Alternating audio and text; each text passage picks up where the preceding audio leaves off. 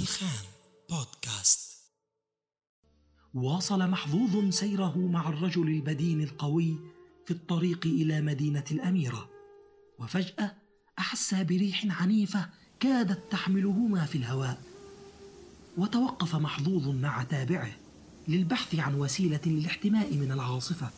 فشاهدا سبع طواحين هوائية تدور أجنحتها بسرعة عظيمة. وبالقرب منها يجلس رجل قد سد فتحة أنفه اليمنى بأصابع يده وظهرت أذنه اليسرى كبيرة جدا كأنها أذن فيل.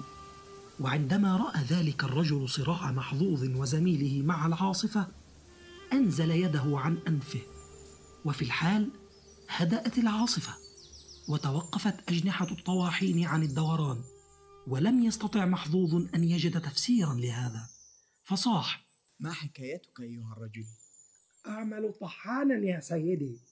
إذا هدأت الريح ولم تعد تكفي لدفع أجنحة الطواحين أرفع يدي إلى أنفي وأسد فتحتها اليمنى فيندفع الهواء من الفتحة الأخرى بقوة وسرعة كما شاهدتم.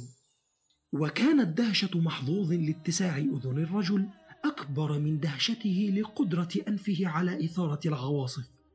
وقد تنبه الرجل إلى أن محظوظا يحملق بشدة في أذنه فضحك وقال لقد وهبني الله أنفا عجيبا أعمل به وأذنا أكثر غرابة أتسلى بها وكيف تتسلى بأذنك؟ هكذا وأسرع يركع على الأرض ويحني رأسه إلى أسفل حتى التصقت أذنه الكبيرة بالتراب ماذا تفعل؟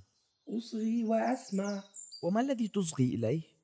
أسمع صوت الأشجار وهي تنمو وصوت السمك وهو يسبح وتغريد الطيور في البلاد البعيدة. هذه أعظم تسلية يتمتع بها الإنسان. أخبرني أخبرني إذا ماذا تسمع في قصر الأميرة؟ أسمع الأميرة تبكي لأن شابا مسكينا آخر قد سجنه جنود الملكة العجوز.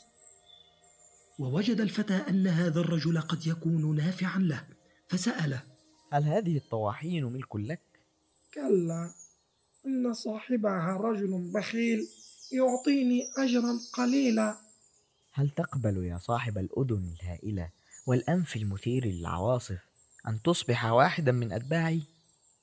أنا أرحب بصحبتك فأنت شاب طيب وفي تلك اللحظة رأى محظوظ عينين جميلتين تطلان عليه في حنان وسط هالة من النور فملأت السعادة قلبه وواصل سيره.